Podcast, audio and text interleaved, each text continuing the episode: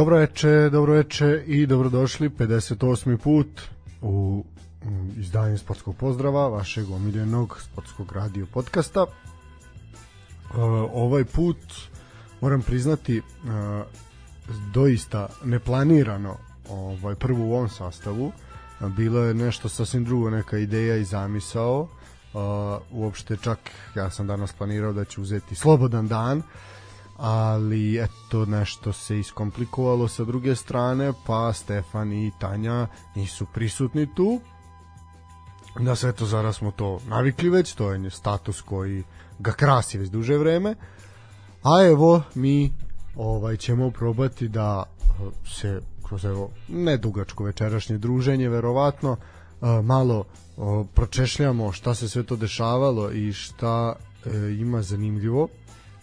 E sad zašto je to tako kako jeste i zašto uh, je došlo do svega ovoga. Uh, moram biti iskren da zbog uh, dešavanja koji su se pa koje su obeležile ovaj vikend za nama, zaista ovaj sam donekli razmišljao pa ima li smisla uopšte sesti i pričati o bilo kakvom sportu i bilo čemu što nije ono uh, što nas okružuje i uh, jasno je svima da mislim i na, na proteste, na blokade, ne toliko zbog toga, nego toliko zbog te stvari za, zbog kojih su tu ljudi blokirali te najbitnije savrćajnice u najvećim gradovima.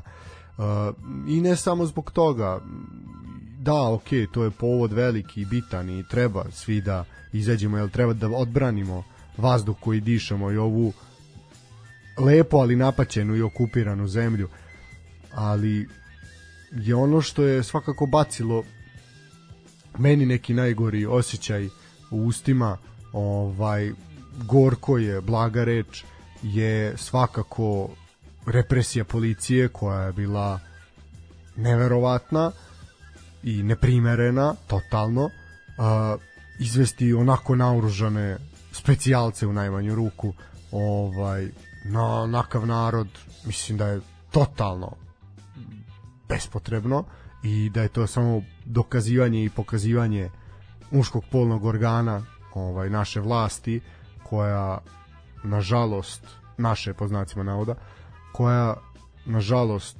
ali nažalost umesto da vodi računa šta će njenoj deci ostati ovaj vodi računa o tome kako će napuniti džepove. E pa drugovi džabe vam džepovi puni ako ne bude bilo vazduha za disanje a već ga nema već ga ponestaje kao što sam rekao, represija policije uh, i onda šlag na tortu. Šlag na tortu su uh, oni nesretnici uh, sa motkama, sa čekićima, sa bagerom koji koga branite, koga napadate, da li ste svesni, da li znate šta radite. Mislim, postavljati pitanje je glupavo, jer u ovom slučaju, jer oni da znaju, ni to ne bi radili. Uh, da iko ko, iko ko malo otvori oči shvata ko je ovde dobra, a ko, ko loša strana. No, ajde, nismo navikli na politiku u, u, ovom, u ovoj emisiji i definitivno se nećemo njome baviti ovaj više od onoga koliko nas pogađa iz našeg aspekta i našeg običnog i malog života, a ovaj put je pogodilo poprilično jako i nastavit će da pogađa i zaista na stranu sve, ali bez prirode, bez zemljišta, bez vazduha, vode, čiste, pijaće, a mi je nemamo čak u svim delima naše države, mi ne možemo ovde živeti. Mi već ne možemo ovde živeti zbog tih ljudi koji dozvoljavaju sve to, pa narod beži, a ne a ne još i da nam unište i unište i ono tlo pod ko, na, na kojem stojimo. Uh, sve je jasno, uh, ići ćemo na jednu pesmu, pa ćemo se vratiti i pokušati da sklonimo sve ove emocije u stranu, a da pričamo, pričamo o ome što se dešavalo na našim prvo evropskim terenima, zatim superligaškim i da najmo eto šta nas to čeka u nekom narednom periodu pošto se zakuvava ozbiljno. E, ništa ljudi, ajmo na jednu pesmu pa ćemo pričati onda o sportu.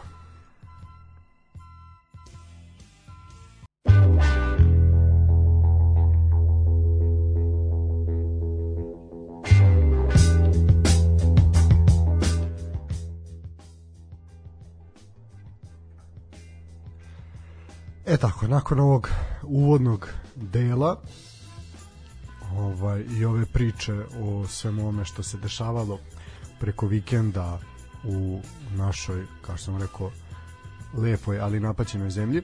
Sigurno se pitate šta je ta i koja je ta pesma koju smo slušali uh, malo, malo pre.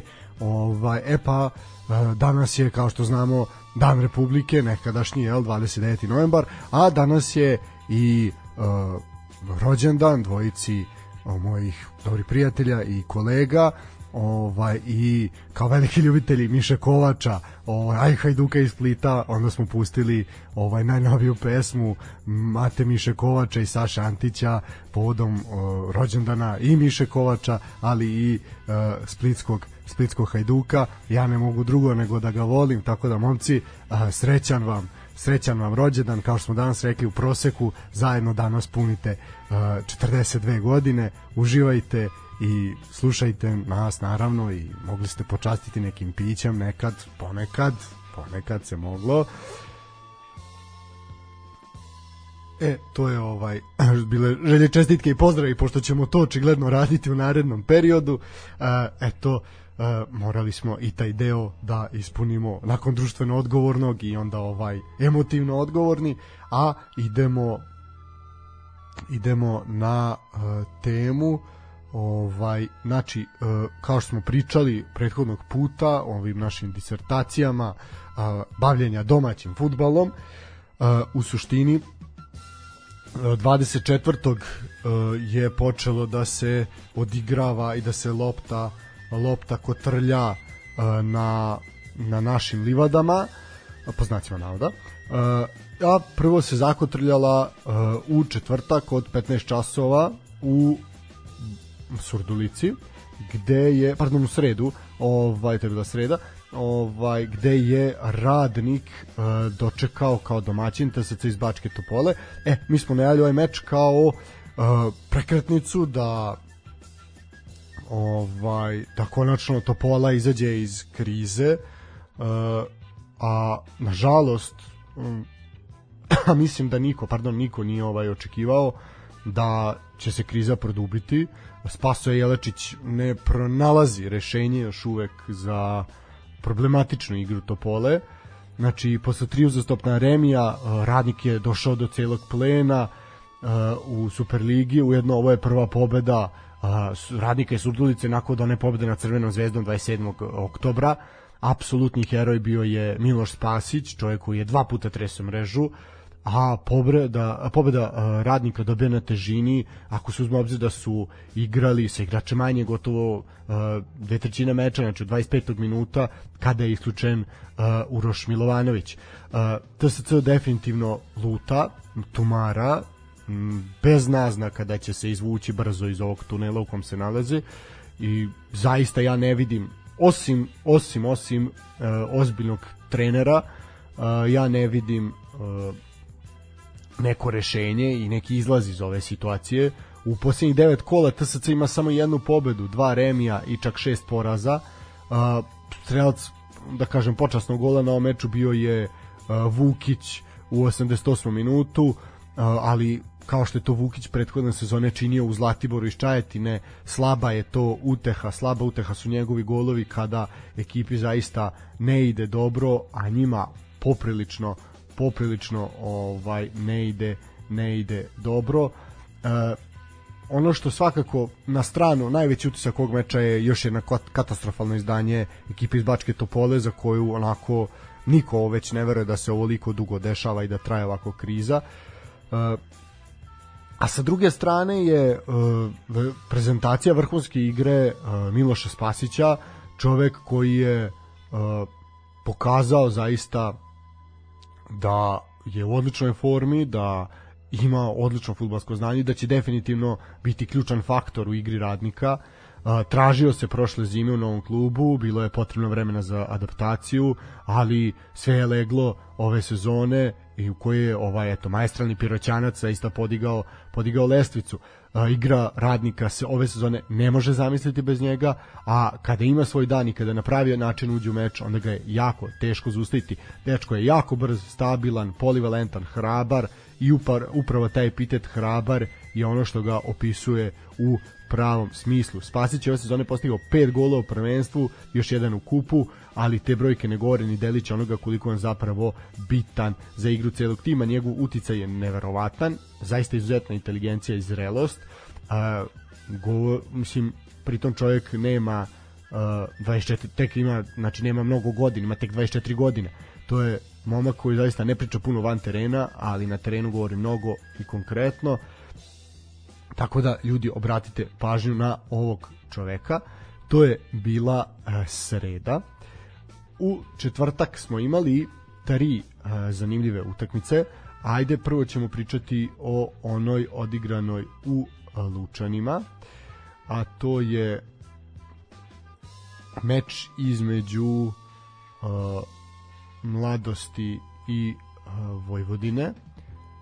Ovako, što se tiče te utakmice, uh, šta pardon, ja se izvinjam, uh, ništa tu posebno ja ne bih, ne bih istakao osim uh, sjajne igre novosadskog tima, uh, pobeda od 2-0 na neugodnoj, neugodnim terenu u Lučanima gde Mlado zaista podiže uh, formu u poslednje vreme, međutim eto ni uh, raspoloženi Danoski ovaj, uh, ani Katanić nisu uspeli da povuku mladost ka nečemu većem, čak ni ka golu, a, a da ne pričamo o, o bodovima.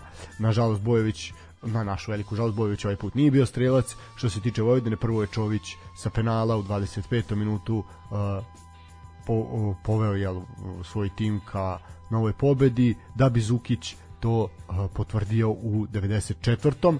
Eto, jedna sigurna pobeda Vojvodine zaista, mislim, dovoljno je reći da je mladost imala samo jedan šut okvir gola za celu utakmicu, što dovoljno dovoljno pokazuje uh, kako je izgledala ova igra i ova utakmica.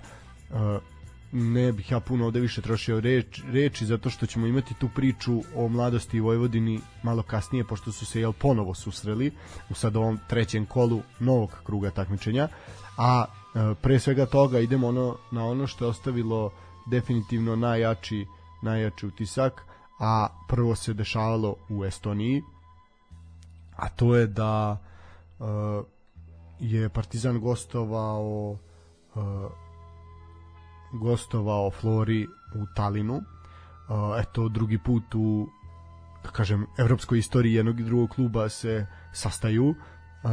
Bilo je to davno ovaj i ja sam bio sasva mali kada je to se igralo prvi put a evo sad nažalost sam malo stariji i nažalost ću ovo možda više pamtiti. E, ne mogu reći da je najbolniji poraz u istoriji Partizana nije, bilo je mnogo mnogo više ali je poraz koji je svakako jako neprijatan e, koji postavlja mnoga pitanja a, Flora je u prvom poluvremenu bila borbenija, organizovanija, a crnobeli su bili katastrofalno loši. Uh, domaćin je sasvim zasluženo stekao prednost golom u finišu prvog poluvremena, a u drugih 45 minuta Partizan za nijansu popravio utisak, imao inicijativu, pritiskao rivala, ali pomalo neverovatno deluje da nije stvorio ni jednu pravu priliku za gol za 90 minuta igre. Bilo je tu nekih polu prilika, ali ništa, ništa uh, da kažete, e, ovo je trebalo da uđe. Uh, Flora je ovom svojom istorijskom pobedom, ovo je inače njihova prva pobeda u grupnoj fazi nekog takmičenja, uh, je to ostaće zapisan protiv Partizana, ostalo u igri za drugo mesto, ali Partizan dalje ima sve u svojim rukama, jer će u posljednjem kolu ugostiti Anortozis, dok će Flora gostovati Gentu. Uh, pored poraza, ono što je svakako ostavilo uh, naj najstrašniji utisak, a to je uh, pad i povreda uh, Lazara Markovića. Uh, moram priznati, moram priznati da to meni nije izgledalo tako strašno uh, u prvom u prvom momentu.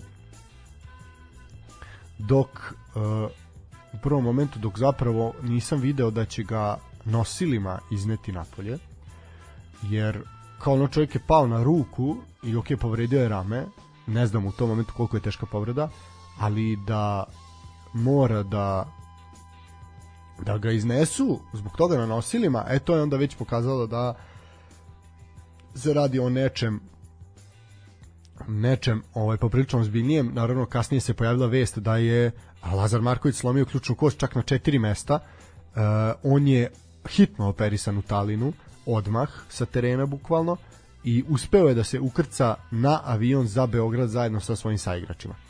Uh, ovo je sad veliki problem za Partizan, veliki, jer Partizan sada uh, bez Natha, a i bez Lazara Markovića, kao mnogi se neće možda složiti sa mnom, ali Lazar Marković jeste bitan u rotaciji Partizana i jednostavno bitan kao igrač na terenu, mašta mi misli o njegovim futbalskim kvalitetima, ali on jeste bitan za ovakav Partizan. Da li to sad više govori o Lazaru Markoviću ili o trenutnom Partizanu, to vi rasudite. Ali definitivno da bez Natha, koji je sve i svja u igri Partizana, i Lazara Markovića, a, bijete trenutno pardon, najbitnije bitke. Jer šta se dešava? Čeka vas prvenstvo, čeka vas ozbiljno teški izazovi u prvenstvu, a čeka vas i ključan meč. Džabe, sve ove pobede, sve pobede u kvalifikacijama, preokreti i tako dalje. Ako se 9.12. dragi moji Anortozis ne savlada u Beogradu po verovatno hladnom vremenu, jednostavno sve će stati u tih 90 minuta, jer ako se ne prođe grupna faza ovog takmičenja, to je onda poprilična sramota da u svo dužno poštovanje Flori, Anortozisu i Gentu, mislim da je za nekoga ko se busa u grudi da je e, evropski brazilac, da smo mi učesnici eto još jednog svetskog prvenstva u nizu, da smo mi dali ovo, ono, evropskom i svetskom futbalu, da su naši igrači ovo i ono, ali džabe sve to ako naš klubski futbal ne bude imao predstavnika u prolećnoj fazi ovog takmičenja. Ista priča važi i za Crvenu zvezdu koja će se dotaknuti za nekoliko trenutaka. Što se tiče izjave trenera Stanovića nakon meča, on je čestitao Flori na pobedi, nisu dobro odigrali utakmicu, imali smo previše pehova tokom meča, primili gol u kraj, na kraju prvog polovremena, tada je pukla arkada u Roševiću, da to nisam napomenuo, čovjek je sa Čalom završio meč, posle je Marković pukla ključna kost, moramo da se podignemo i nastavimo dalje, posle ovog meča nadamo se boljem izdanju u poslednjem meču sa Anortozisom. E pa, zaista, zaista se nadamo, jer uh, je Partizan danas odigran u poprilično skromnu utakmicu, uh, redki su među crno-belima koji su bar u određenoj meri opravdali očekivanja. Mnogo toga je nedostajalo u igri koja je bila rastrzana, bez ideje, a posle mnogo vremena Partizan je odigrao meč bez stvorene velike prilike za gol. Prosto neverovatno za ekipu koja je najbolja, uh, najviše, najviše šutarski raspoložena i najbolji golgetarski učinak ima ovaj u našem prvenstvu. To onda samo govori gde je naše prvenstvo. Uh, na crno-belima ostaje zaista da analiziraju utakmicu, a ja mogu reći da je moj neki lični utisak da su na terenu bili najbolji ponovo Popović, svaka čast Uroševiću, Zdjelaru, pa čak i Markoviću i Jojiću. Oni su za to vreme koji su proveli na terenu, da kažemo, ostali najpozitivniji pozitivni utisak. A, to je što se tiče što se tiče Partizana. A, analizirat ćemo još i priču o Crnoj zvezdi i Ludogorecu, pa ćemo ići opet na kratku pauzicu. A, da, Crvena zvezda je pred praznim tribinama a, svog doma dočekala a, starog znalca ne samo Crvene zvezde, neći Partizana u evropskim okršajima. Dočekala je bugarski Ludogorec, ekipu iz Lude šume. E, Zvezda je obezbedila proleće u Evropi, to je najbitnije reći. E, pobedila je Zvezda go maestralnim, maestralnim pogodkom Mirka Ivanića i ponovo Zvezda prolazi i ostvaruje rezultat isključivo na jedan individualni kvalitet njih, njenih najboljih i najkvalitetnijih udarnih igala između čega je svakako, jel, između ostalog je tu Ivanić, Ben i Kataji kao predvodnik. A, Zvezda je obezbedila proleće, to je ono što je najbitnije. Jako, jako teška pobeda, jako teška pobeda, ali slatka nad Ludogorecom, teška utakmica. Uh, zaista je to, kao što smo rekli, odlučena je trenutkom inspiracije Mirka Ivanića. Uh, prvo polovreme je bilo za zaborav, uz samo jedan netoliko opasan napad Crvene zvezde, dok su gosti propustili dobru šansu. Zvezda nije mogla više da pruži, par tako deluje formaciji sa tri centralna beka, bar ne sa ovim rosterom koji je na raspolaganju Stanković. U drugom poluvremenu promenio je formaciju i sve izgledalo neuporedivo bolje. Bez obzira što je Kataj zbog povrede ostao u slačionici, gol Ivanića je zaista bio pravo remek delo. Po stvorenim šansama Zvezda je mogla i ubedljivije do triumfa, Ovako ostaje da vidimo šta će se dešavati u poslednjem kolu. Crveno-beli su trenutno lideri, ali na kraju mogu biti na svakoj od prve tri pozicije, a zaviste od ishoda utakmica u poslednjem kolu od gostovanja Bragi i od drugog meča u toj grupi. E, dobra je ovo stvar za srpski futbal jer su osvojeni važni bodovi u borbi za što bolji državni koeficijent. E sada, e, tabele u grupama. E, ajmo, kad već pričamo o Crvenoj zvezdi. Znači, ovo su uh, trenutne situacije. Crvena zvezda je definitivno obezbedila nastavak takmičenja i na proleće će uh, nastaviti takmičenje da li kroz Ligu Evrope ili Ligu konferencije. E sad, sa jednim bodom u Bragi to bi sigurno bila Liga Evrope. U slučaju poraza osluškivao bi se rezultat u Bugarskoj, gde će Mitjeland pokušati da dođe do pobede. E sad, znači, ako Crna zvezda i Braga odigraju nerešeno, znači Crna zvezda će imati 11 bodova, Braga će imati 10.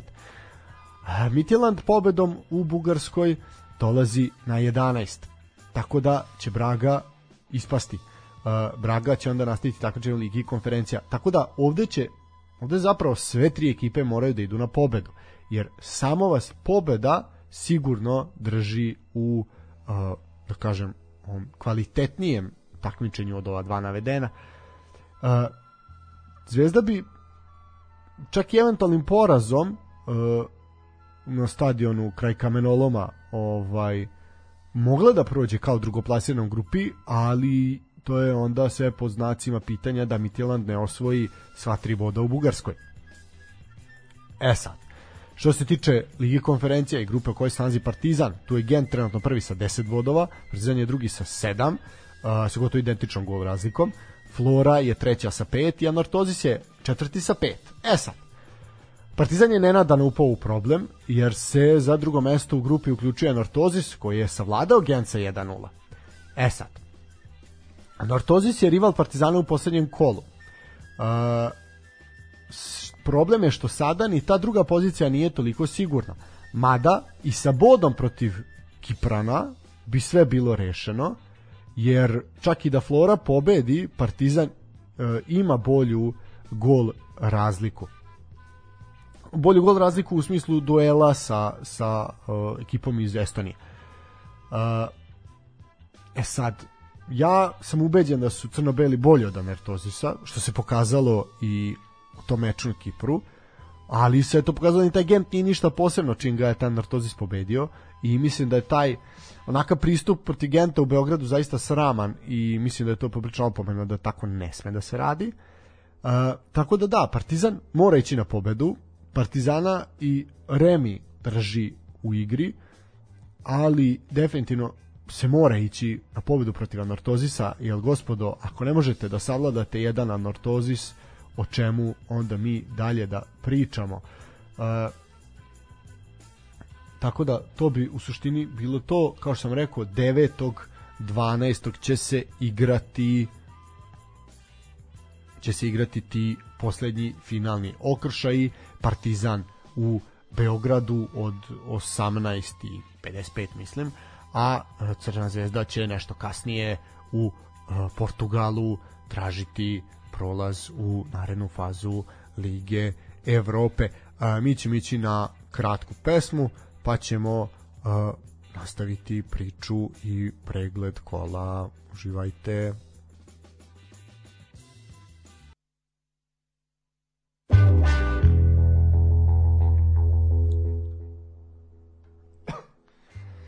Da, evo, ovaj vaš omiljeni bolesnik sa hroničnom obstrukcijom pluća, ovaj bronhitičar se ponovo javlja iz uh, studija 1 Daške i mlađe. Uh, slušali smo Perfume od mrtvih uh, kazina ovaj, jako, jako glupa fora, ali kad ste sami u programu, onda je to sve dozvoljeno. Pričali smo o našima u Evropi, gde su bili, šta su radili, a mislim da je ovaj vreme da nastavimo priču dalje o domaćem futbalu. Uh, ovako, ono što je svakako vest koja se pojavljuje već duže vreme i nekako smo mi pa ne mogu reći baš ovaj zanemarili tu priču uh, ali da, sve je prisutnije u našim medijima a to je uh, rađanje uh, stadiona u Loznici uh, radovi na novom lagatoru kako su ga nazvali odvijaju se planiranom dinamikom i stadion će biti modern, funkcionalan, sa četiri pokrivene tribine po svim UEFA standardima.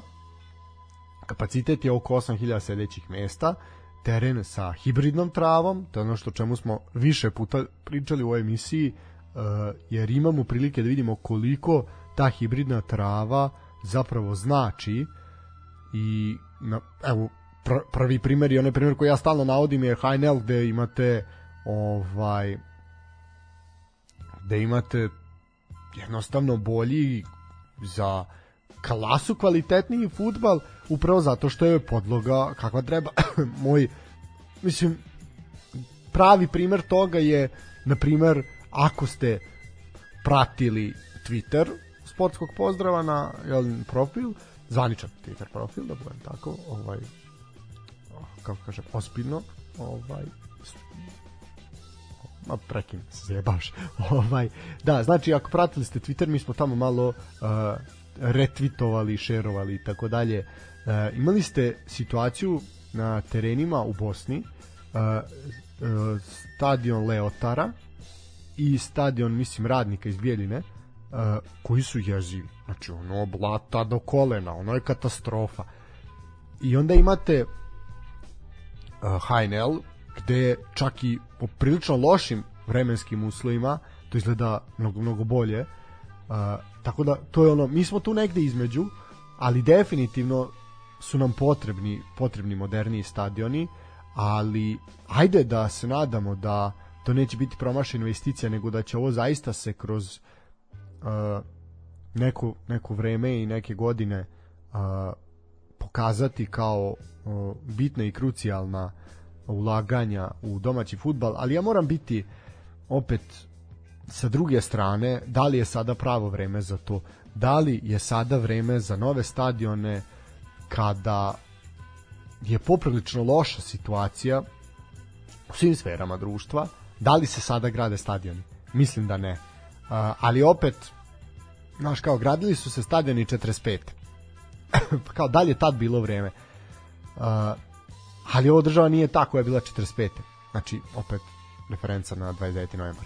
Tako da, ne znam, vidjet ćemo, ajde da ne budemo ovaj dežurni kritičari pre vremena, da vidimo kako će to i šta biti. Uh, predlog, ovaj jedan šaljivi komentar je da se predlog uh, da se stadion u Loznici naziva Dragan Kojić Keba, eto humor će spasiti ovaj narod definitivno. Uh, no, ajmo mi dalje. Uh, kao što smo rekli, odigrane su te zostale utakmice 10. odnosno treće kola, da bi 27. od 13 časova počela je borbe u 18. kolu Superlige. U subotu smo imali dva meča na tapetu. Imali smo na Čikadači susret radničkog i napretka iz Kruševca i još jedan put je Čikadača bio široke ruke i bodovi su otišli u Kruševac. Iako je radnički poveo već u drugom minutu autogolu Mršića u svom prvom napadu, zaista je napredak u većem delu meča kontrolisao zbivanja na terenu i igrao onako kako njemu odgovara. Igrali su gosti po diktatu fantastičnog Marjanovića koji je po ko zna koji put pokazao ne samo ove sezone kakav je majstor i jednostavno bez njega napredak nema tu oštrinu i tu opasnost po protivnički gol. Za njega odbrana Radničkog jednostavno nije imala rešenje. Uh, Inače, evo, fun fact, odbrana Radničkog je samo na jednoj utakmici i to u prvom kolu uspela da sačuva svoj gol, na svim ostalim je bar po jednom kapitulirala. Krušeljani su u posljednje četiri kola imaju e, dve pobede, jedan rem i jedan poraz, pa su opet bar na kratko na četvrtoj poziciji. E, Kragujevčani nisu izdržali pritisak e, moranja osvajanja bodova, jesu dobro započeli meč, ali kako igra odmicala vidno su posustajali, gubili snagu i to je definitivno njihov problem, a, nedostatak snage i ono što će biti ključno ukoliko Kiza Milinković ostane trener, a to je da su te uh, jesenje pripreme, odnosno pripreme za proljećni deo sezone, uh, bitne da se vidi da, da li i koliko radnički može. Mi mislimo da može, ali ajde, nadamo se. Ovo je sedmi poraz u posljednjih osam kola i nakon prvo autogola Lakićića u 28. koji se revanširao Mršiću i pogodka Saše Marjanovića u 65. E, ovaj poraz ostavlja radnički iz Kragoveca na pred poslednjem mestu. E, što se tiče ovaj što se tiče narednog meča u tom danu od 17 časova u Gornjem uh, Milanovcu je gostova došao Čukarički ovaj bilo je ubedljivih 3:0 E sad, zašto kažem ubedljivih, uh, jeste 3 je visok rezultat, ali je još ubedljivije to što su uh, momci sa Banovog brda došli u, Mil u Milanovac bez Marka Docića, koji je najbitniji šraf u veznom redu Čukaričkog, i Đorđe Jovanovića, koji je najoštrija igla napada Čukaričkog. Uh, zaista lakše nego što se očekivalo je Saladan Metalac. Uh, Brđani su time prekinuli niz od tri meča bez triumfa, a ujedno su se učvrstili na trećem mestu tabele. Uh, Metalac se nadao da će posle velikog uh, skalpa u Bačkoj Tepoli uspeti da uzme još jednu meru, još jednom favoritu. Uh, međutim, danas jednostavno nisu imali ni snage, ni kvaliteta da to učine.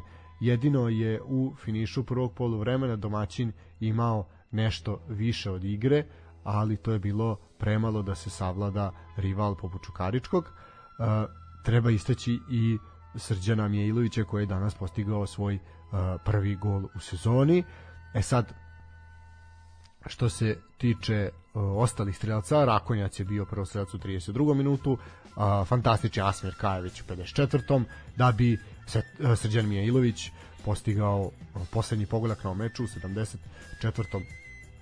minutu. Uh, definitivno da uh, Loznica i dalje boli ovaj igrači Čukaričkog, a po ko zna koji put su golmani Metalca poklonili gol. Mislim već kad bi počeli da brojimo koliko je to puta već se desilo, mislim zaista je to već iz kola u kolo, iz kola u kolo postoje problemi.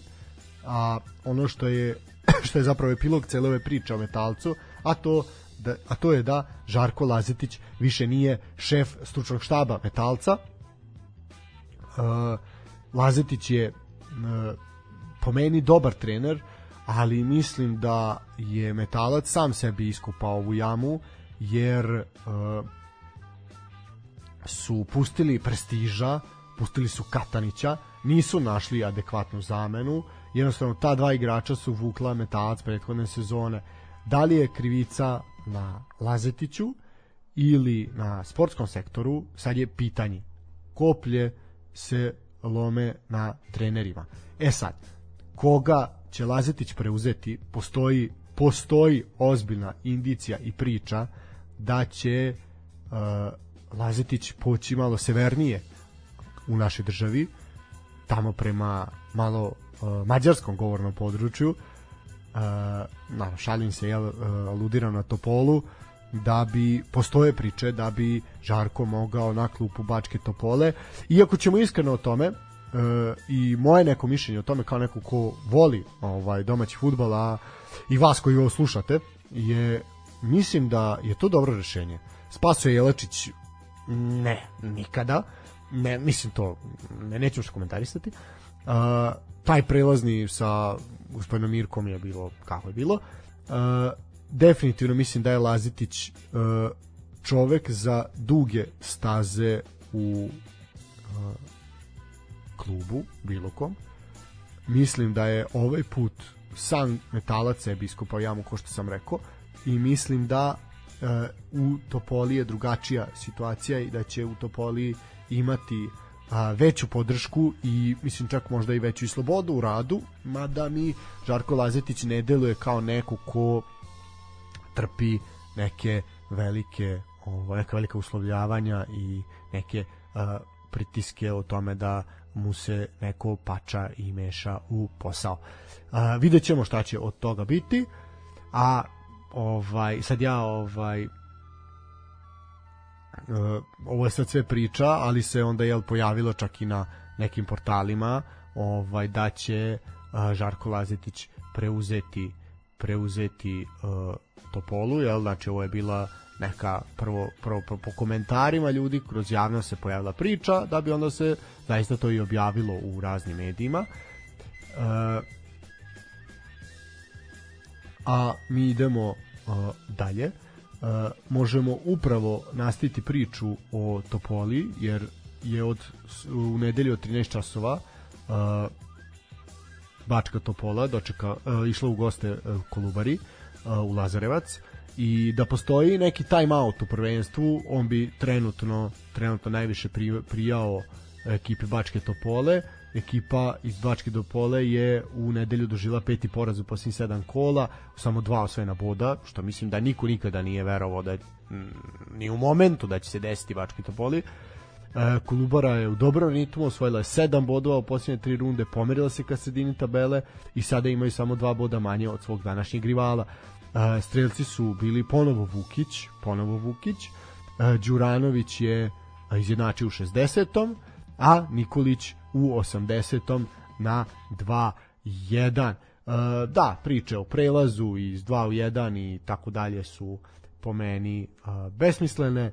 Mislim da to pola trenutno ne, nema taj luksus da se tako tako ovaj igra e, e sad imam izvaničnu potvrdu uh, danas evo vidim ponedeljak negde oko 15 časova je stigla i potvrda znači Milija Žižić će zvanično preuzeti metalac a Lazetić uh, seda na klupu TSC evo vidite ovo je, ja nisam iskren da budem ovo uh, video danas u toku dana. Zato sam se sada iznenadio ali eto da uh, Milija Žižić je bivši trener Žarkova Bežanije i grafičara uh, srećno u priči sa metalcem, vidjet ćemo koliko može. Uh, što se tiče Žarka Lazetića, uh, zaista trenutna ekipa koja je na osmom mestu, kojoj prvoplasna ekipa beži 27 bodova, Janoš Žember je rekao da je izuzetno zadovoljan angažovanjem Žarka Lazetića, da će čovjek doneti novu energiju u klub, ono što posebno cenimo kod njega je rad sa mladim igračima i uh, vrlo brzo. Ba, mislim, vidi, kad ti TSC pošalje ponudu, uh, ti naravno da nećeš odbiti, mislim, iz ugla Žarka Lazića. Mislim, bilo kom treneru da TSC pošalje ponudu u ovom momentu, ja ne vidim ko bi, ko bi to odbio i zašto. Možda eventualno se Mladena Krstajića drugi put, ali dobro. Uh, tako da sam Lazitić isto izjavio da je da mu je veliko zadovoljstvo uh, kao što eto on je rekao isto ovo, nevjerojatno kako mislim isto kao i oni. Znači, ne postoji trener u Srbiji koji ne bi želeo da vodi klub. E sad dalje ovo floskula, ali u suštini da, slažem se s ovim. Znači, TSC je klub koji ima fantastične uslove, koji se dobro pozicionirao, koji radi na evropskom nivou, uh, to se može vidjeti kroz rad futbolske akademije, sve to izjavio Lazetić. Uh, on će debitovati 1. decembra proti Kolubare u osmini finala Kupa Srbije da, znači možemo podsjetiti da je TSC počeo sezonu sa Mladenom Krstajićem, zatim ekipu vodio Mirko Jovanović, uh, a onda i Spaso Jelačić. Uh, jednostavno puno, puno sreće Žarku Lazetiću, puno sreće i Mili Žižiću, mislim da su ozbiljan posao je i pred jednim i pred drugim u, u, u ovom i u onom smeru. Uh, možemo ići na meč uh, opet ovih uh, vrednih ekipa. Radnički iz Niša je dočekao radnik iz Surdulice. Uh, ubedljiva pobeda radničkog nad komšijama iz Surdulice i nastavak pozitivne serije u šampionatu. Nišlije su u posljednjih devet kola poražene samo jedan put i to na gostovanju Crvenoj zvezdi. Surduličani su u posljednja dva meseca pobeđivali samo u onim zaostalim mečima i to zvezdu i TSC, dok su sve ostale utakmice ili gubili ili remizirali.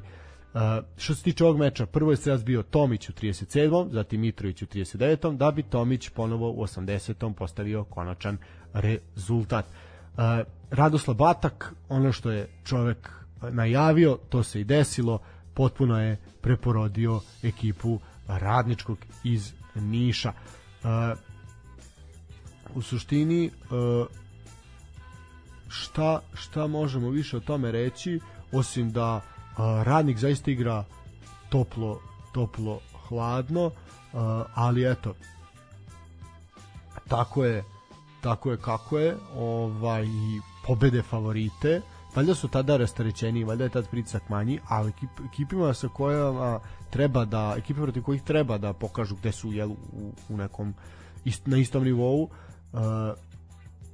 tu, tu zaista izostaje, izostaje rezultat u poslednje, poslednje vreme. Uh, to su bili mečevi odigrani od 13 časova u uh, nedelju.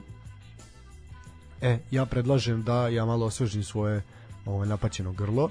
Pa ćemo preći na duele Crvene zvezde Spartaka, Partizana i Voždovca, to svakako ono što je e, Novog pazara i Proletera i tako dalje i tako bliže. E, slušat ćemo slušat ćemo, da vidimo šta ćemo slušati. E da, evo našli smo šta ćemo slušati. Ajmo, uživamo.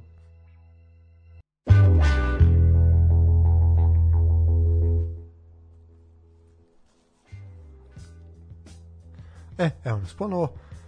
Uh, nakon kratke muzičke pauze uh, idemo dalje. Uh, Crvena zvezda je kao domaćin uh, od u terminu od 14.25. Da li vredi po 200. put? Mislim, naša, naš podcast ima broj evo 58 epizoda. Da li zaista, da li zaista treba ponovo pričati o terminima arene sporta? da li vredi trošiti kiseonik kog je sve malje i koji je sve zagađeniji na to? Mislim da ne. Ne mogu, jednostavno ne više snage. E, za takve gluposti 14 i 25 nedeljom pa dobro drugovi, majka mu stara, znači zaista ono, nemamo, nemam reći. No dobro, imate ne, 11 kanala, vi ne možete da uklopite normalan termin, ne, eto, dobro, ajde ne reći, šta je tu? No, ajmo na utakmicu. Crvena zvezda Spartak. Uh, što se tiče utakmice, ja zaista ne pamtim kada je Crvena zvezda po svim putu ako lako kao nedelju savladala Spartak. Znači, ekipa iz Subotice uh, pa možda uljeljka na nekom činjenicom da su bez poraza u prethodnih pet kola, ovoga puta su bili totalno van igre, nerazumljivo anemični, da tako kažemo, Uh, jeste Zvezda mnogo kvalitetnija, tu ne priče, ali meč je delovao kao jači trening za crno-bele. Uh, utakmicu je definitivno bežao Fardo Bel golom i asistencijom, dok je uh, Rodić takođe ovaj sa dva gola pardon i asistencijom ovaj dok eto Rodić je uh, postigao isti jedan pogodak. Št, ne znam što se tiče Spartaka Da, vezali su dobre rezultate, odlično su igrali, povratak Nemanje Nikolića je fantastična stvar za klub, to se videlo, ali jednostavno zašto ovako, ne znam, ali definitivno čak i kada je bio Spartak pa i dosta slabiji je pružao jači, jači otpor Crvenoj zvezdi. Da li nisu mogli, šta je problem, da li je možda sad i umor već malo problem, sve je moguće, ali definitivno ili jednostavno je Crna zvezda naoštrena posle pobede nad Ludogorecom pa su to očetkali onako kako kako dolikuje E sad, to je što se tiče ovaj, ovog dela. Uh, ono što je meni bitnije, a to je da su uh, beogradski crveno-beli i subotički uh, plavo-beli izašli uh, na meč sa crvenom tačkom na obrazu, uh, čime su se uključili u globalnu inicijativu za podizanje svesti o problemu, o problemu naravno misli se na svetski dan nasilja tačnije borbe protiv nasilja nad ženama, ne postoji svetski dan borbe nasilja nad ženama, znači nemojte tući žene ni jednog dana, pa ni svet, ni tog ovaj, a, da, znači svetski dan borbe protiv nasilja nad ženama, eto, futbaleri su izašli sa crnom tačkom na a, obrazu, po meni nažalost je ovo tema koja se priča samo uh, samo tada kada se približite neki datum i aktivizma uh, ne priča se svaki dan a trebalo bi da se priča svaki dan jer nažalost živimo u društvu koje nažalost ali nažalost uh, dozvoljava i pa ne mogu reći možda dozvoljava ali prećutno prećutno dozvoljava uh, nasilje nad ženama jer kao pa znaš on je muškarac, ona je njegova žena, on ima pravo to da uradi i nema pravo to da uradi.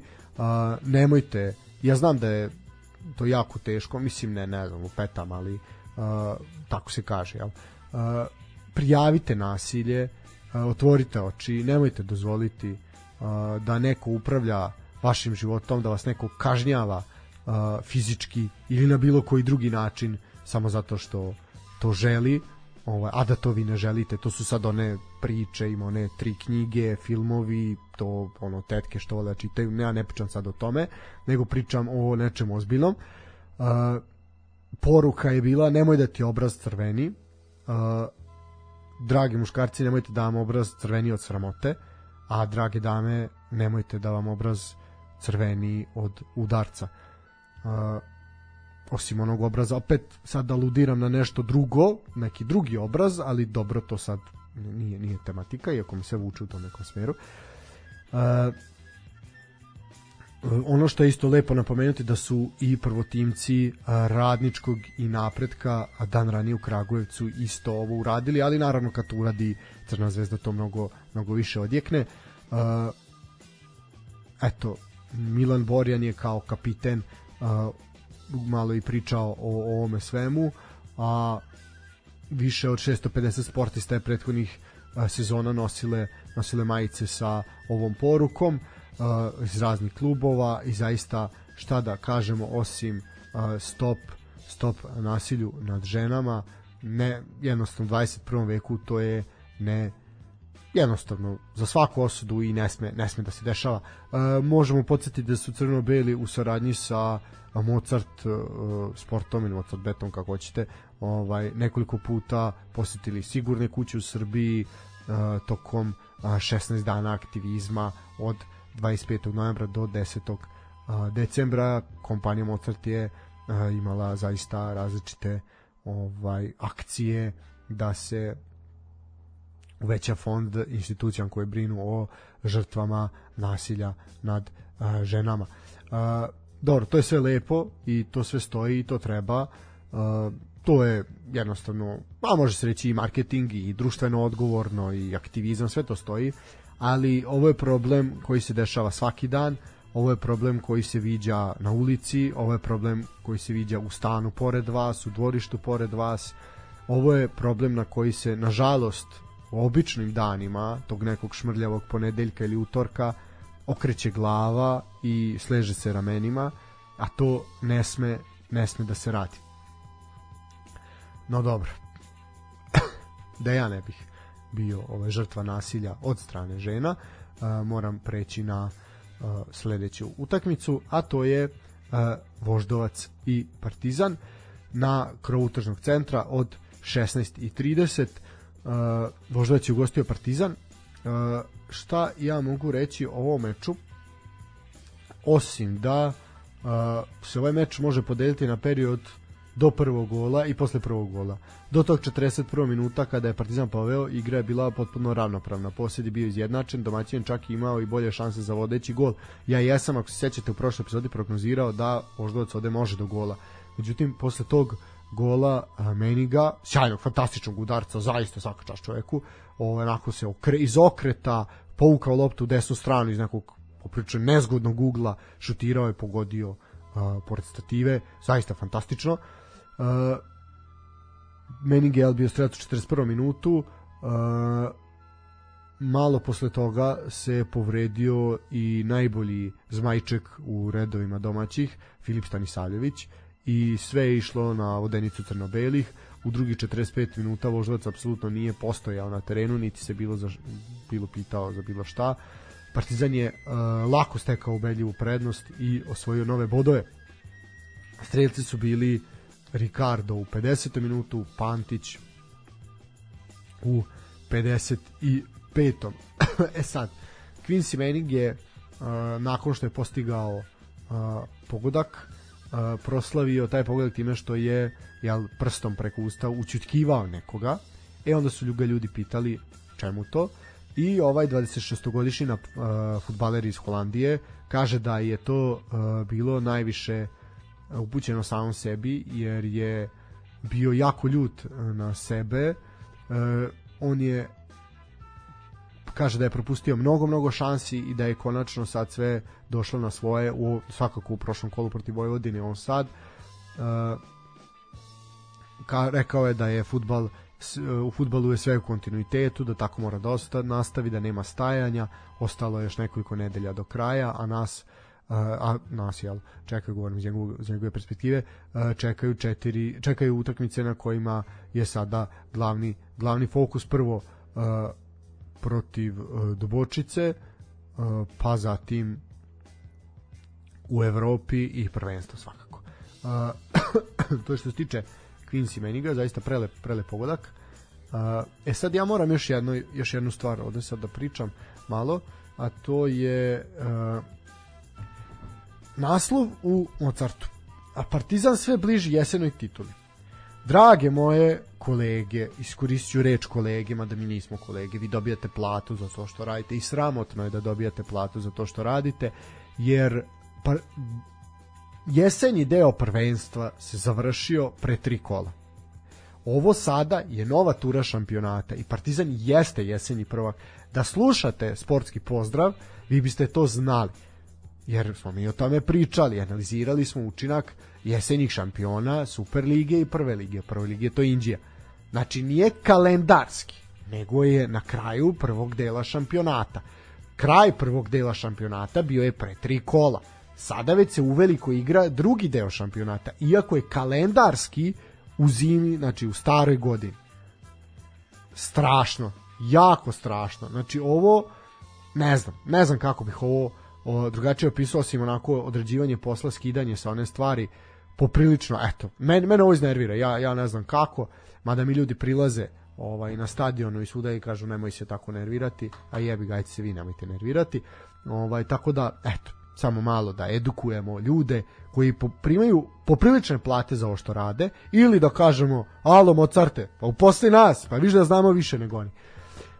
Dobro, e, malo smo se malo smo iskritikovali, idemo dalje. E, što se tiče narednog meča, a, naredni meč je meč u Novom pazaru, meč između a, a, domaćih plav, plavih i novosadskog proletera a, jedne ekipe koja je kluba koji je osnovan 1928. godine to koji će pokušati da izbori superligaški status do, do te godine.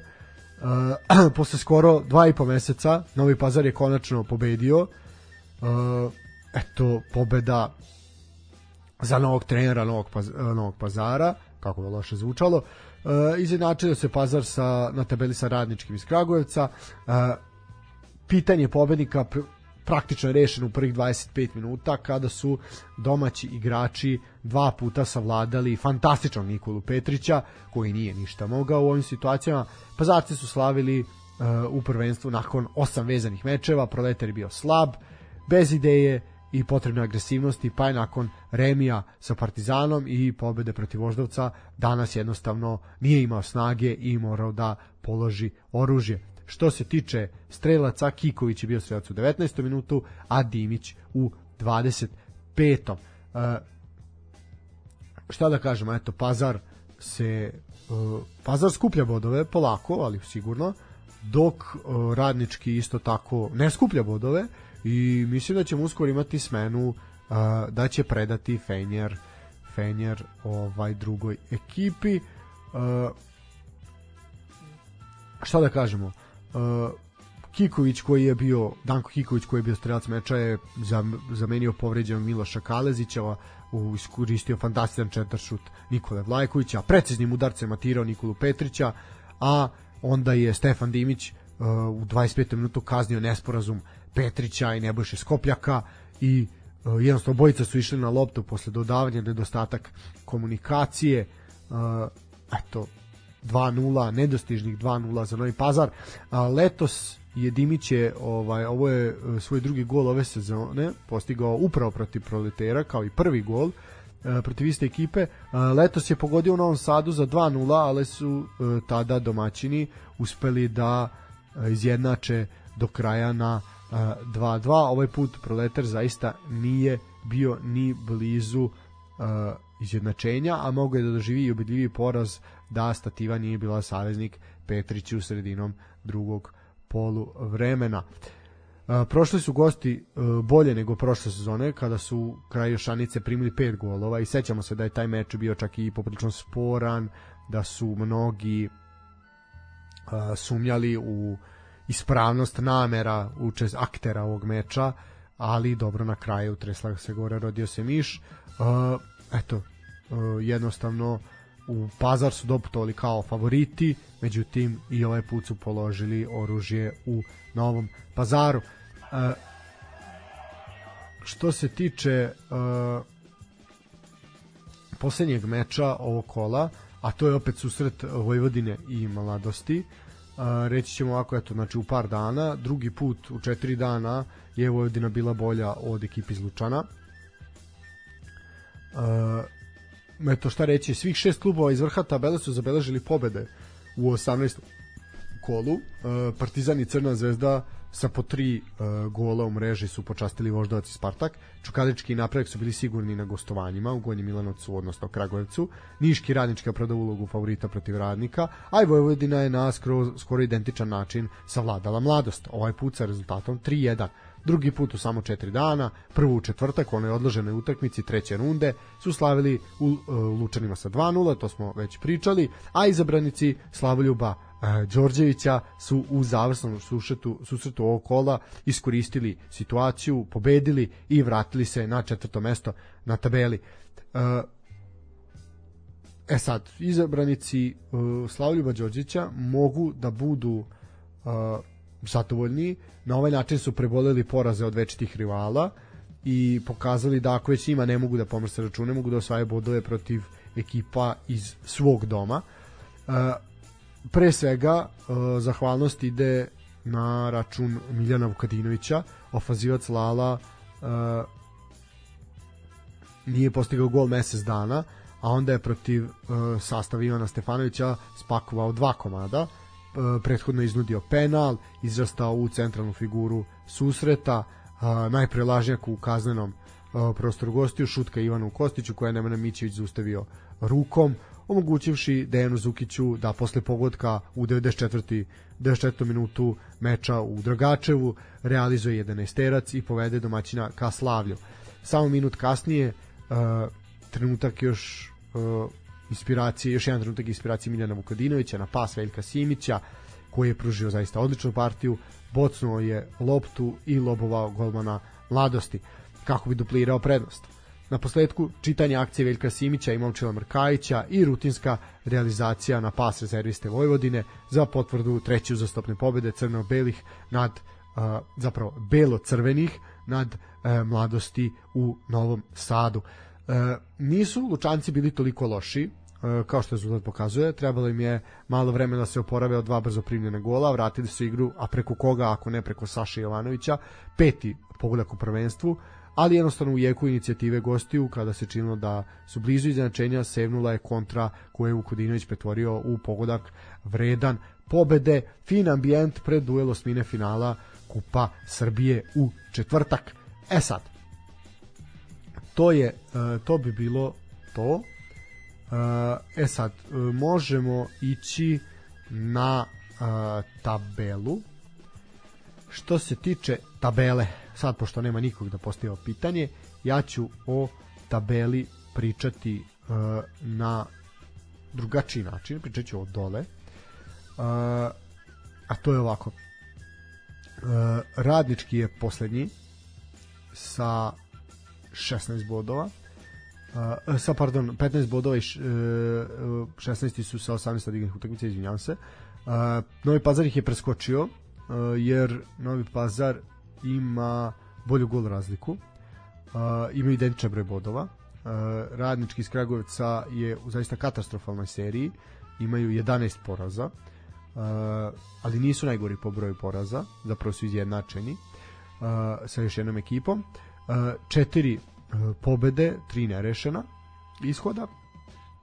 Novi Pazar je pretposlednji sa istitim brojem bodova, ali Novi Pazar ima on nema porazu prethodnih pet kola. Znači ima četiri nerešena i jednu pobedu. Znači tako su uspeli da nadoknade za ostatak i da preskoče, preskoče radnički.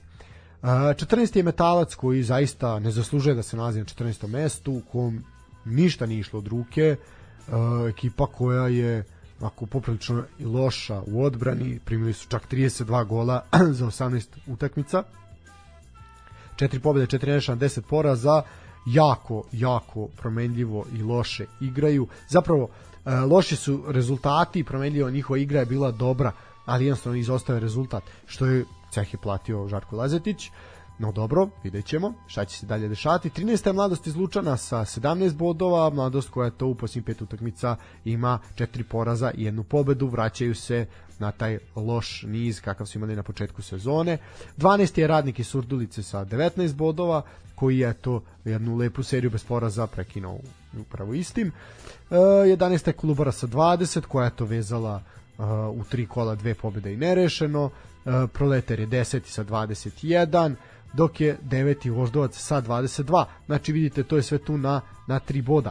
E, tu Voždovac je e, prvi u play-outu da bi poslednji uh, u play-offu bila Topola koja se još uvek oslanja na zalihe bodova koje je osvojio Mladen Krstajić i kojima zaista gori pod nogama i mislim da bi poprečna sramota bila da TSC ispadne u play-off u play-out zonu iz play, play-off zone. Uh, 22 boda, znači isto koliko Voždovac, samo bod više od Proletera, ali i bod manje od Spartaka koji je sedmi sa 23. Uh, šesti je Radnički iz Niča koji ima 25, peti je Napredak sa 27, uh, četvrta je Vojvodina sa 29, treći je Čukarički sa 31, E, druga je Crvena zvezda sa 17 odigranih utakmica i 44 boda, a prvi je Partizan sa 18 e, odigranih utakmica i 50 bodova. Jedine dve ekipe kojima koji imaju utakmicu manje su Crvena zvezda i Voždovac. Oni će morati da odigraju svoj duel uskoro, vidjet ćemo kada i kako. E sad, što se tiče uh, narednih duela, očekuje nas kup Srbije. Uh, očekuje nas i ta zaostala utakmica. Za ostalu utakmicu će Crvena zvezda i Voždovac odigrati 1.12. od 18.30. Znači, eto, to je uh, sreda, ako se ne varam.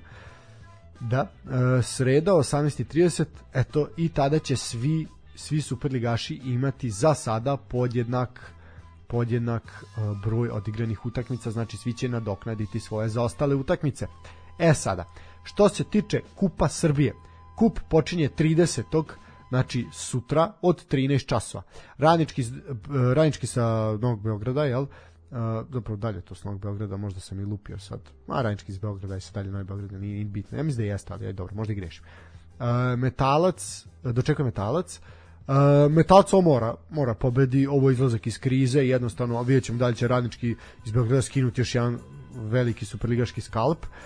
Od 13 časova uh, u sredu rad dočekuje na Banjici napredak, eto jedan uh, klasik uh, superligaški. Uh, od 13 časova takođe radnik dočekuje Loznicu u Surdulici, radnik ovde mnogo kvalitetnija ekipa, Loznica sa Vlada Čukarički do duše, ali mislim da radnik ovde mora da do triumfa i prolaze dalje. Prvog 12. takođe od 13 časova Topola dočekuje Kolubaru, debi Žarka Lazetića i ovde nema šta da se priča. Topola mora do pobede. Kako znaju i umeju ne smeju ispasti iz kupa, ne smeju doživjeti još jedan poraz. Vidjet ćemo da li će šok terapija sa Žarkom Lazetićem uspeti, ja lično verujem da hoće. E, Crvena zvezda i Radnički su trebali da igraju 14 časova u sredu, međutim taj meč je odložen zbog da kažem e, prava prvenstva odigravanja e, da tako kažemo, se odlupio, ali da, pre, prednost ima odigravanje za ostale, za ostale utakmice u prvenstvu, tako je. Zatim od 16 časova i 15 minuta uh, Partizan će na noge Dubočici. Uh, ovde nema šta se priča, Partizan je apsolutni favorit. Uh, sutradan, znači u četvrtak od 13 časova, Novi Pazar dočekuje Bačku Palanku.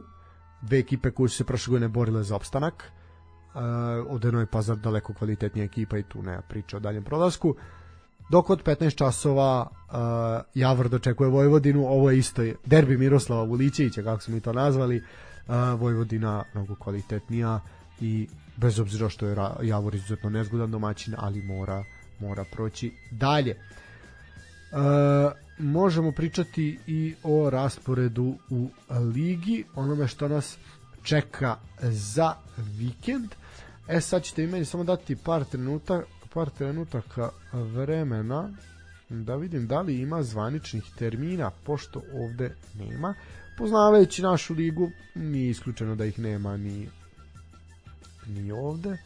Da vidimo samo moment. E, da, imamo termine. E, znači, ček smo 18.30 Crvena zvezda Voždovac, to e, možemo ovaj učiniti kao ubedljivu pobedu Crvene zvezde. E sad, što se tiče e, ostalih mečeva, program počinje u subotu. U subotu imamo samo jedan meč na meniju. E, Proletar će dočekati Metalac, eto Žarko, oh, pardon, e, ekipa koja je ostala bez Žarka Lazetića će pokušati da pronađe svoju sreću u Novom Sadu, to im neće biti lako i svakako ako nemate, ako ste u Novom Sadu i nemate šta da radite u subotu od 15 časova, a ne budete hteli da blokirate saobraćajnice, moja preporuka je da pogledate ovaj meč, ovo može biti poprilično zanimljivo. U nedelju od 13.30 u Kruševcu će uh, na stadionu mladosti napredak dočekati Crvenu zvezdu šta ovde reći, napredak je u dobroj formi, ali mislim da je Crna zvezda mnogo bolja i mnogo kvalitetnije, da ovde neće biti nekih velikih dilema oko pitanja pobednika.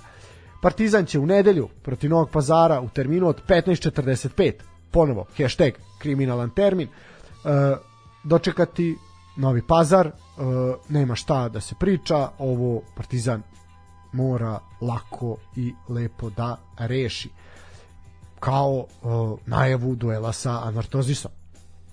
Spartak, Žlepčeva krv protiv mladosti iz Lučana, nedelja 17 časova. Spartak ovde mislim da će nakon ovog šamara od Crvene zvezde se uzdignuti i ovde uzeti bodove. Uh, radnik iz Surdulice dočekuje radnički, eto opet imamo u ovom kolu duel radnika i radničkog, samo ovog puta drugog radničkog. U Surdulici ponedeljak od 14 časova nema šta ovde da pričamo. Ovde je radnik ubedljivo favorit i mora osvojiti sva tri boda. Radnički koliko god nam simpatični bio jako je simpatični bili jako su u velikom problemu. Uh, ponedeljak od 16 časova Čukarički dočekuju Kolubaru uh, ko ne bude radio u ponedeljak te brice ovaj, koji imaju slobodan dan ponedeljkom svakako da pogledaju ovaj meč, ovo može biti jako, jako dobro.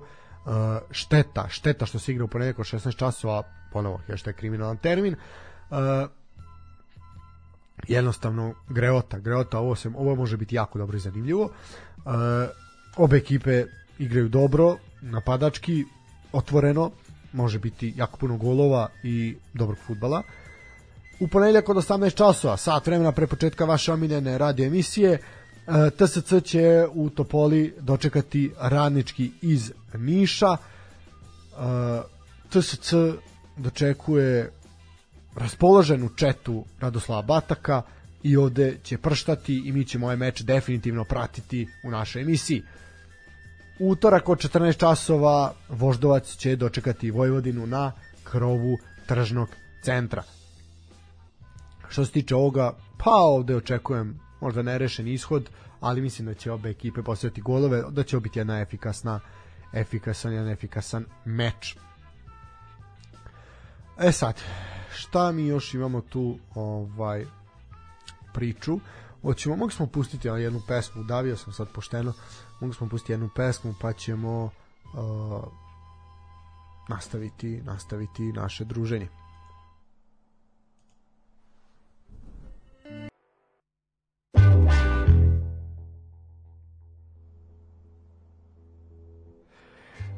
E da, ovaj stigla je sad jedna poruka ja ovaj moram priznati da me to onako malo pobrelo raspoloženje i ja ću sad uraditi ovo što je rečeno u ovoj poruci. Samo ćete jedan trenutak sačekati da ja sad nađem to što mi treba. A, da, da, da, da, da, da, da, da, da, da. ajde ovako ćemo. A, kako me zeza ovaj program. Ali dobro, zeza me sve u životu, pa i to...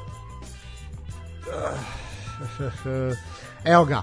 E, da, a kako drugačije, kako drugačije ovaj da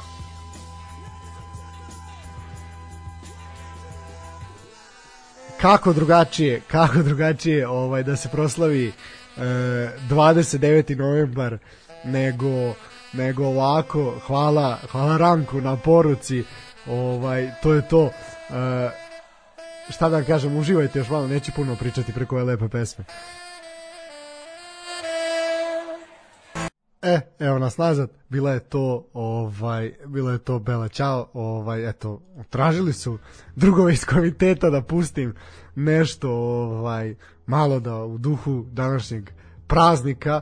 Ovaj da danas je osim što je rođendan mojim drugarima ovaj danas je i e, rođena Radio Republici ovaj koje eto čestitamo rođendan, uh, kao i Daško i Mlađi naravno, to njih se misli kad kažem Radio Republika i definitivno uh, želim uh, još mnogo godina uspešnog emitovanja, nadam se da ćemo dobiti nekad i frekvenciju, zašto da ne, i izrasli smo jedan ozbiljan radio, kažem mi, jer smo i mi deo ovoga svega i mi smo deo Radio Republike sportski pozdrav kao takav e, i naravno naši drugari na ivici Offside-a Sonja sa uh, malom školom rock'n'rolla večernjom školom rock'n'rolla pardon. Uh, Mige uh, sa ljudima iz podzemlja zatim uh, svi, svi drugi koji čine, čine ovu našu kupek ovaj i rastrojavanje naravno ali sve naravno uz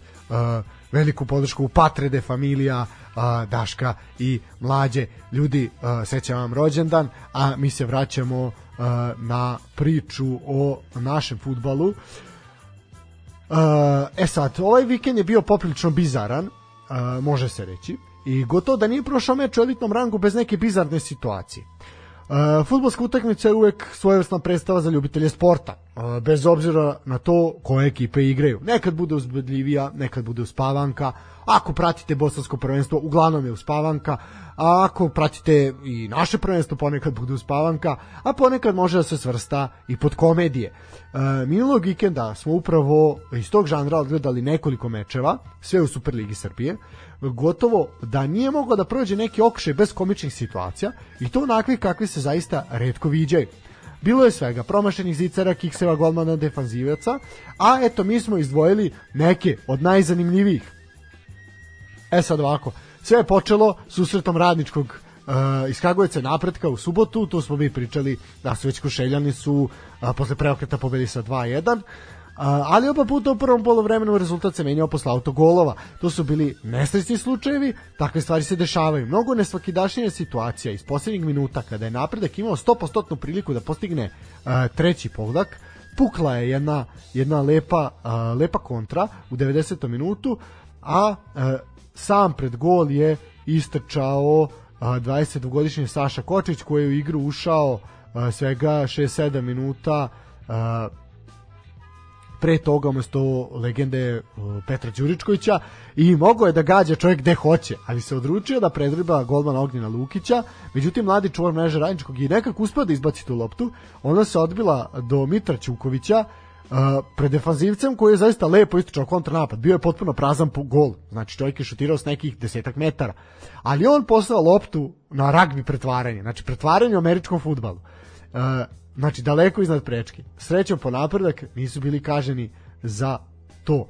E, već tog popodneva viđena je još jedna bizarna situacija u Gornjem Milanovcu na duelu Metalca i Čukaričkog. Posle lošeg dodavanja Bačkulje, lopta je došla do golmana Metalca Strahinja Savića, koji kao da je na moment zaboravio kov dres igre njegovi saigrači i doslovce je dodao loptu napadaču Brđana Marku Rakonjcu koji je potom lako zaobišao Savića i doneo vojstvo Čukaričkom. Ovo je, ja ne znam, ovo sam već rekao, ne znam koji put da ovako greše golmani metalca, šta se njima dešava, zaista ne znam, zašto je koncentracija tako loša.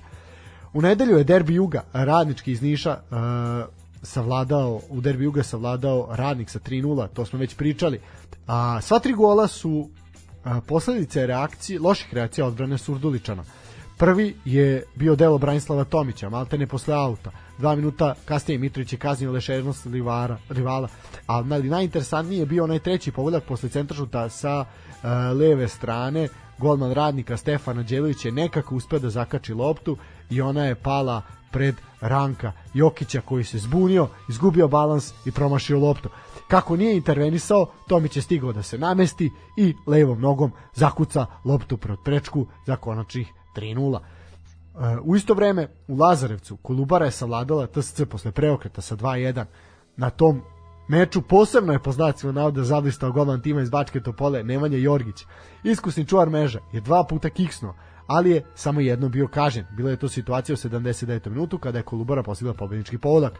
Do duše, podjednaka krivica ide na dušu nekašnjeg reprezentativca Slobodana Rajkovića, čija zaista očajna povratna lopta je natrala Jorgića za zatrč kaut linije. Nije trebalo da izleće, ali kada je krenuo nije bilo zaustavljeno. Nije stigao do lopte, usledio je centaršut, gol je bio prazan. Uh, nije uh, se Kolubara najbolje slaša, uspeli su Jorgić i Jarković da se vrate, ali usledila panika defanzivaca. Dva puta je Rajković promašio loptu dok je ona skakutala po 16 tercu, a Nemanja Nikolić uh, Nemanja Nikolić iz Kolubare se najbolje snašao i zatresao, zatresao mrežu. Pred kraj, još jedna scena za rubriku Verovali ili ne. Krsmanović je vratio loptu do Jorgića, koji se nameštao predugo da je pošalje ka svojim napadačima, a Đuranović je posle kratkog razmišljanja izvršio presing. Jorgić ga je napucao loptom. Ona se potom odbila do Miloša Đokića, koji je bio previše opušten u toj situaciji 1 na 1, presporo je reagovao, probao da loboje golmana TSC i omogućio je golmanu da se iskupi za blamažu. Istog popodneva samo smo jednu neobičnu scenu videli na stadionu Rajko Mitić. Igralo se drugo polovreme susretu Crvene zvezde i Spartaka. Domaćin je vodio sa 2-0 kada je Elfar Duben iskoristio kiks golmana i jednog štopera Subotičana. Posle centaršuta Aleksandra Kataja Ben se borio za loptu sa Nemanjom Brankovićem, sinom direktora Sportskog atletskog saveza Slobodana Brankovića. Štoper Spartaka Ben je, odgu, je odgurnuo tamo toliko da je 21-godišnji golman Miša Dubljanić direktno naleteo na njega, dok su se oni sudarali, lopta je pošla pored njih i Benu zaista nije bilo teško da overi uh, crno-belima nova, nova tri boda. Uh, tako da eto, zaista zaista ovaj puno komičnih scena, puno nekih nevjerovatnih odluka, grešaka. Da li ovo sad već pad koncentracije, pad forme, da li su ljudi umorni, da li nam jasno nedostaje kvalitet, sad toliko to nije ni bitno, uh, jednostavno bitno je da, da se eto može dobro zabaviti onaj ko gleda ko gleda domaću domaću ligu. Uh, ja ću kratko pretrčati, danas nema Tanje, i kratko ću pretrčati samo uh, dešavanja u ABA. Uh, zapravo, nismo imali ABA ligu, imali smo dešavanja u košarci, to sam da kažem, a košarka je meni jednog ABA liga. Uh, da, imali smo tu reprezentativnu pauzu. Uh, šta da kažem, koliko sam ja ovaj nešto tu malo ispratio uh, naši momci su izgubili od Belgije. Uh, Pešić je tu bio poprilično ovaj ljut na na momke. Uh, treba reći da su naši momci dali samo šest pojedina u poslednjoj četvrtini da su prokockali trijumf uh, eto jednom ovaj Smajlagis nije bio prisutan na ovom meču ovaj to je bio problem svakako za Pešića. Pešić je poručio svojim igračima da moraju da nauče da je u kvalifikacijama svaka utakmica kao poslednja. On je čestitao naravno ljudima iz belgijske reprezentacije na pobedi tu nema priče junak pobede u Beogradu nad Letonijom koja je bila nekoliko dana pre ovog poraza. Marko Jagodić Kuriđa koji je Monsu upisao tek drugi nastup u državnom timu nije bio zadovoljan kompletnim nastupom.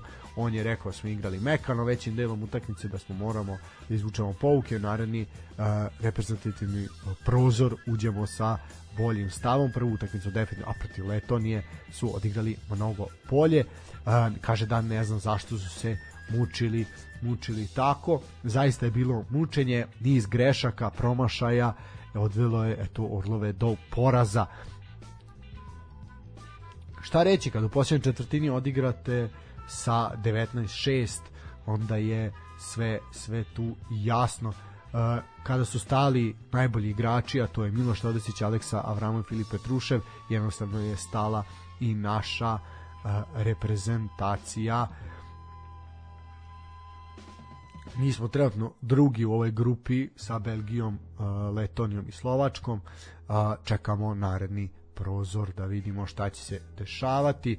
Uh, što se tiče rukometa, ovako imamo dešanja u Arkus ligi. Najavili smo kolo, najavili smo duel Obilića i Jugovića. Jugović je pobedio eto posle nekoliko kola u Beogradu je Saladan Obilica 31-25 dok je uh, Vojvodina teže nego što se očekivalo u Kragujevcu uh, slavladala uh, radnički sa 20 naprema 18 jako mali broj pogodaka jako čvrsto se igralo u Kragujevcu i zaista mogu, mogu reći da je radnički pošteno namučio Vojvodinu možda i više nego bilo ko ove sezone Dinamo i Metaloplastika su odigrali fantastičan duel u Pančevu, bilo je 34-30 za Šapčane i stanje na ovoj tabeli grupe A je manje više nepromenjeno, Vojvodina je dalje prva, Metaloplastika je preskočila upravo Dinamo i sada je druga, treći je Dinamo, četvrti je Radnički, dok je uh, ispod te crte prva crvena zvezda sa šest bodova, Jugović je šesti, a sedmi je Obilić, kao što znamo, Novog pazara nema zbog onih dešavanja i istupanja. E,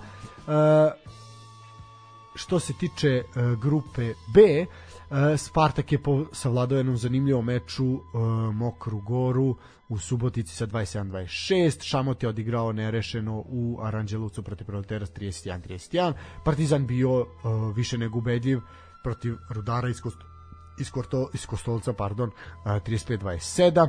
Dubočica je savladala u Leskovcu železničar sa 32-19.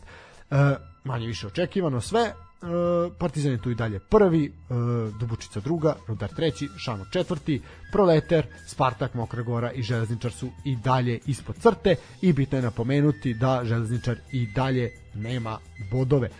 Što se tiče narednog kola, Dubočica ide Mokroj gori u goste i tu će teško uzeti bodove, ali se oni očekuju. Železničar Rudar, eto, šanse za nove bodove Rudara, Partizan Šamot u Beogradu i Proleter Spartak u Zrenjaninu. E, grupa A, naredno kolo, znači to je već 12. kolo, Uh, Jugović dočekuje Dinamo iz Pančeva, Metaloplastika dočekuje Radnički iz Kragujevca, Crvena zvezda dočekuje Obilić, slobodan tim u ovom kolu je Vojvodina. Uh, napomenut ću samo da je rukometni klub Partizan odigrao međunarodnu utakmicu u ovih dana. Ponovo se igra međunarodni uh, rukomet u Beogradu. Pala je uh, pala je ovaj pala je rumunska ekipa uh, Mi, Minaur Bajamare. Eto, ako vam to nešto znači, 30 naprema 26 i zaista je to sa plus 4 se ide u uh, ide na noge jel Rumunima u tom uh, revanšu. E sad, uh, ono što je svakako obeležilo prethodni uh, vikend je uh, regionalna liga u Waterpolu. I ja ću malo sad pričati o njoj pred kraj uh, ove današnje emisije 15 do 9 je svakako sam odužio više nego što je to potrebno. Uh, pokušat ću da dođem do rasporeda, pošto je to jako sad bitno iz jednog regionalna liga. E, da, evo ovako, znači šta se ovde sve sve dešavalo. Jako puno utakmica je odigrano. Znači, odigrano je šest utakmica sa vrlo, vrlo malo, vrlo kratak vremenski period, znači bukvalno od 24. do 28. su svi odigrali po šest utakmica i šta se desilo? Jednostavno su ljudi najviše, ajde sad u naših medija, naši vaterpolisti, ovaj, su skočili i rekli, dajte ljudi, pa nismo juniori da igramo dva put dnevno, uh, pritom juniorima je teško, a kamoli kada se igra na ozbiljnijem, jel, fizičkom, zahtevnijem nivou, uh, oni kažu, uh, para se definitivno obrće, gledanost raste, to je svakako jasno, jako je popularno ovo sada što se dešava u bazenima, ali e, za potencijalne povrede najboljih vaterpolista sveta izgleda da niko ne mari. Pa da je kad, par kada je reč o čelnim ljudima regionalne vaterpolo lige, kojima bi prva stvar na pameti trebala da bude upravo to kakve posledice može da izazove šest utakmica u 5 dana. A tu je još i Liga šampiona. Jednostavno ko preživi pričaće. Da se e, eto čuje i prilika da se čuje ona uh, reči oni koji najviše ispaštaju postavili su se naši momci jednostavno Miloš Ćuk je na primjer prvi izašao i rekao da je ovo suludi raspored i da srećam još uvijek nije uzeo danak i možda zato jer su treneri treneri vagali kada će proti, i koga u kojim momentima poslati u bazen. Čovjek Miloš Ćuk koji je bio isjeđen nakon utakmice sa Crvenom zvezdom koja je za radnički došla posle meča sa Splitskim Jadranom. Znači dve ultra teške utakmice. Uh, šta da kažem, uh, posle druge utakmice u 24 sata, sem da ovo uopšte nije normalno, nije sportski. Mi uh, smo sinoć završili utakmicu u 10 uveče, a igramo narednu u 10 ujutru. Izuzetno je bilo teško kada smo uh, trebali da se razgi, razgibamo za ovu utakmicu, a ne i odigrati ceo meč. Izuzetno smo fizički istrpljeni, u neku ruku možemo biti zadovoljni što se tiče naše igre. Odbrana je danas funkcionisala malo bolje, ali to u suštini nije bitno. Danas je pobjeda ekipa koja se bolje snašla u ovim nenormalnim uh, uslovima. Uh, Dušan Mandić, najbolji igrač sveta, je po mnogima je isto opleo po sistemu takmičenja, zasluženo, kao i svi oni koji su se ovih dana oglašavali po pitanju kalendara. Uh, regionalna Waterpolo liga zrela je za reformu, ovo nije dobro.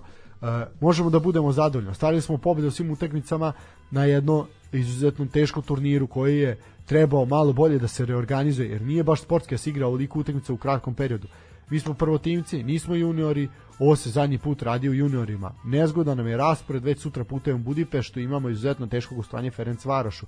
Tako da se okrećemo tome, ovo zaboravljamo. Bilo nam je bitno da ostvarimo sve pobede da bismo uh, se doveli jel, do tog završnog turnira uh, Jadranske lige koja će se odigrati jel, u Beogradu. Igrali smo dobro, imali smo oscilacije, ali kada je trebalo da zapnemo, mi smo zapeli i protiv Juga i protiv Partizana, ali video se umor kod svih uh, još pre početka regionalne premijer lige koja je po kvalitetu odmah iza Liga šampiona predstavljeni reprezentativci Srbije Milan Aleksić i Stefan Mitrović kao igrači uh, Vaterpolo kluba Partizan takođe su rekli da ne misle ništa dobro o ovom novom formatu. Bilo je daj samo da preživimo. Igramo šest utakmica u 5 dana, nije humano, a, nisu hteli da ulaze u propozicije takmičenja i samo su se nadali da će svi izaći nepovređeni i da će iskoristiti sve ovo da uhvate zalet za dalje krugove u regionalnoj ligi kao i u igravanje za domaće prvenstvo koje je definitivno prioritet Partizanu. Teško je sa svim ovim novim svetskim stanjima oko koronavirusa. Ok, a, sigurno da čelni ljudi takmičenja prema tome formiraju kalendar, ali na kraju se zaista to slomilo preko leđa igrača ok, onome ko je voleo Waterpolo i ko je ovog vikenda nije ništa radio, on je uživao jer je imao fantastične evropske, jugoslovenske klasike u bazenima.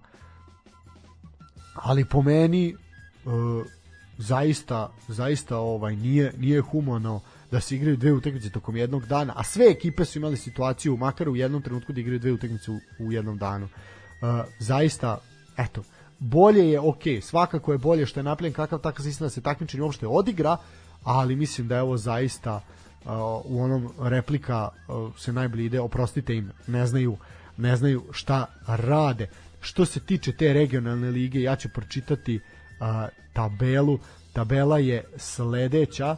Novi Beograd je prvi sa svih šest maksimalnih pobeda, znači 6 od 6, 18 boda, 91 postignut pogodak u šest utakmica. E, Jug je drugi sa pet pobeda i jednim porazom. Poraz su doživeli upravo od Novog Beograda sa 14-10. E, Jadran iz e, Splita je e,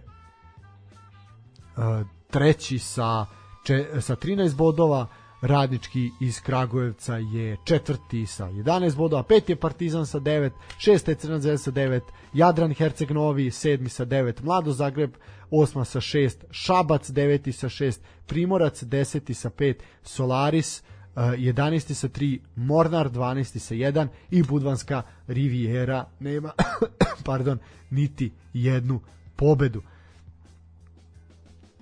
Uh, to je to što se tiče uh, ovog dela i ovih turnira regionalne uh, lige čekamo dalje dalje ovaj šta će se šta će se tu dešavati. Uh, to bi manje više bilo to uh, eto nekih sat vremena i 50 minuta trajalo je ovo naše druženje. Uh, nadam se da ste uživali da vam je prijalo da ste eto ovaj hladni i tmurni ponedeljak uh, priveli kraju na možda jedan zabavniji način, kažem opet nije bilo puno stvari za neko radovanje tog mog vikenda i moram biti iskren da me malo i plaši ono što nas čeka u narednom periodu, ali ajde, da vidimo. A, borba mora biti neprestana i eto danas je 29. novembar, a, kao što sam rekao, dan ovaj Republike nekadašnji dan i a, radio Republike a svakako a, jedan praznik koji smo mi ovde najviše vezivali za pa nažalost za svinjokolje ovaj kojima se svi mi a, vrlo vrlo radujemo ali definitivno naravno dan kada je a, osnovana osnovana a, Socijalistička federativna republika Jugoslavija ovaj i dan pa je država koja je na čim temeljima mi i dalje i dalje živimo. Uh, srećan vam dan državnosti, srećan dan Radio Republike, uh, još jedan put uh, srećan rođendan momci, uživajte danas, uh, nadam se da ćemo malo zaliti i malo se družiti. Uh, hvala svima na uh, tome što ste slušali, uh, nadam se da ćemo se već u ponedeljak čuti u punom sastavu. Uh, do tada uh, PayPal, Patreon, uh, sportski pozdrav, humanitarni SMS može takođe, uvek Twitter, Instagram i Facebook takođe sportski pozdrav. Pišite nam, šaljite komentare, utiske, kritikujte nas, predlažite sve sve što želite, podržite nas ako želite, mi se nećemo buniti. Čak i ako imate neki dinar da odvojite za nas bilo bi bilo bi jako lepo. E, kraj novembra meseca još jedan put pozivam na humanitarnu e, nije humanitarnu ali svakako je humanu akciju e, sa bolnicom Elixir za besplatne preglede. Ljudi prijavite se novembar je bio mesec borbe protiv e, dijabetesa i od toga kako da naučite da živite sa dijabetesom. E, oko je organ koji možda i najlakše i prvo strada od te podmukle, podmukle bolesti.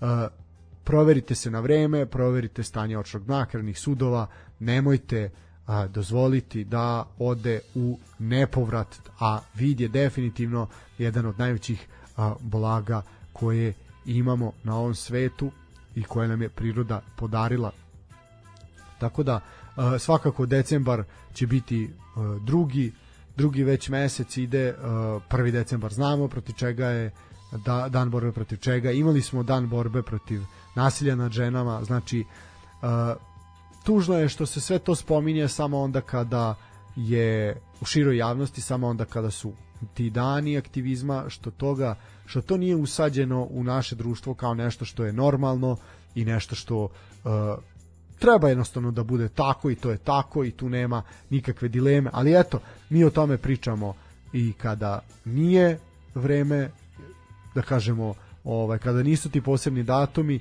nego stalno i svaki put možda nas zbog toga i volite možda nas volite i slušate jer smo duhoviti možda vam samo prijaju naši glasovi možda ste potajno zaljubljeni u nas ne znam šta da vam kažem na ovo poslednje ako je tako onda ste u popriličnom problemu ljudi uživajte odmarajte čujemo se već za sedam dana pozdrav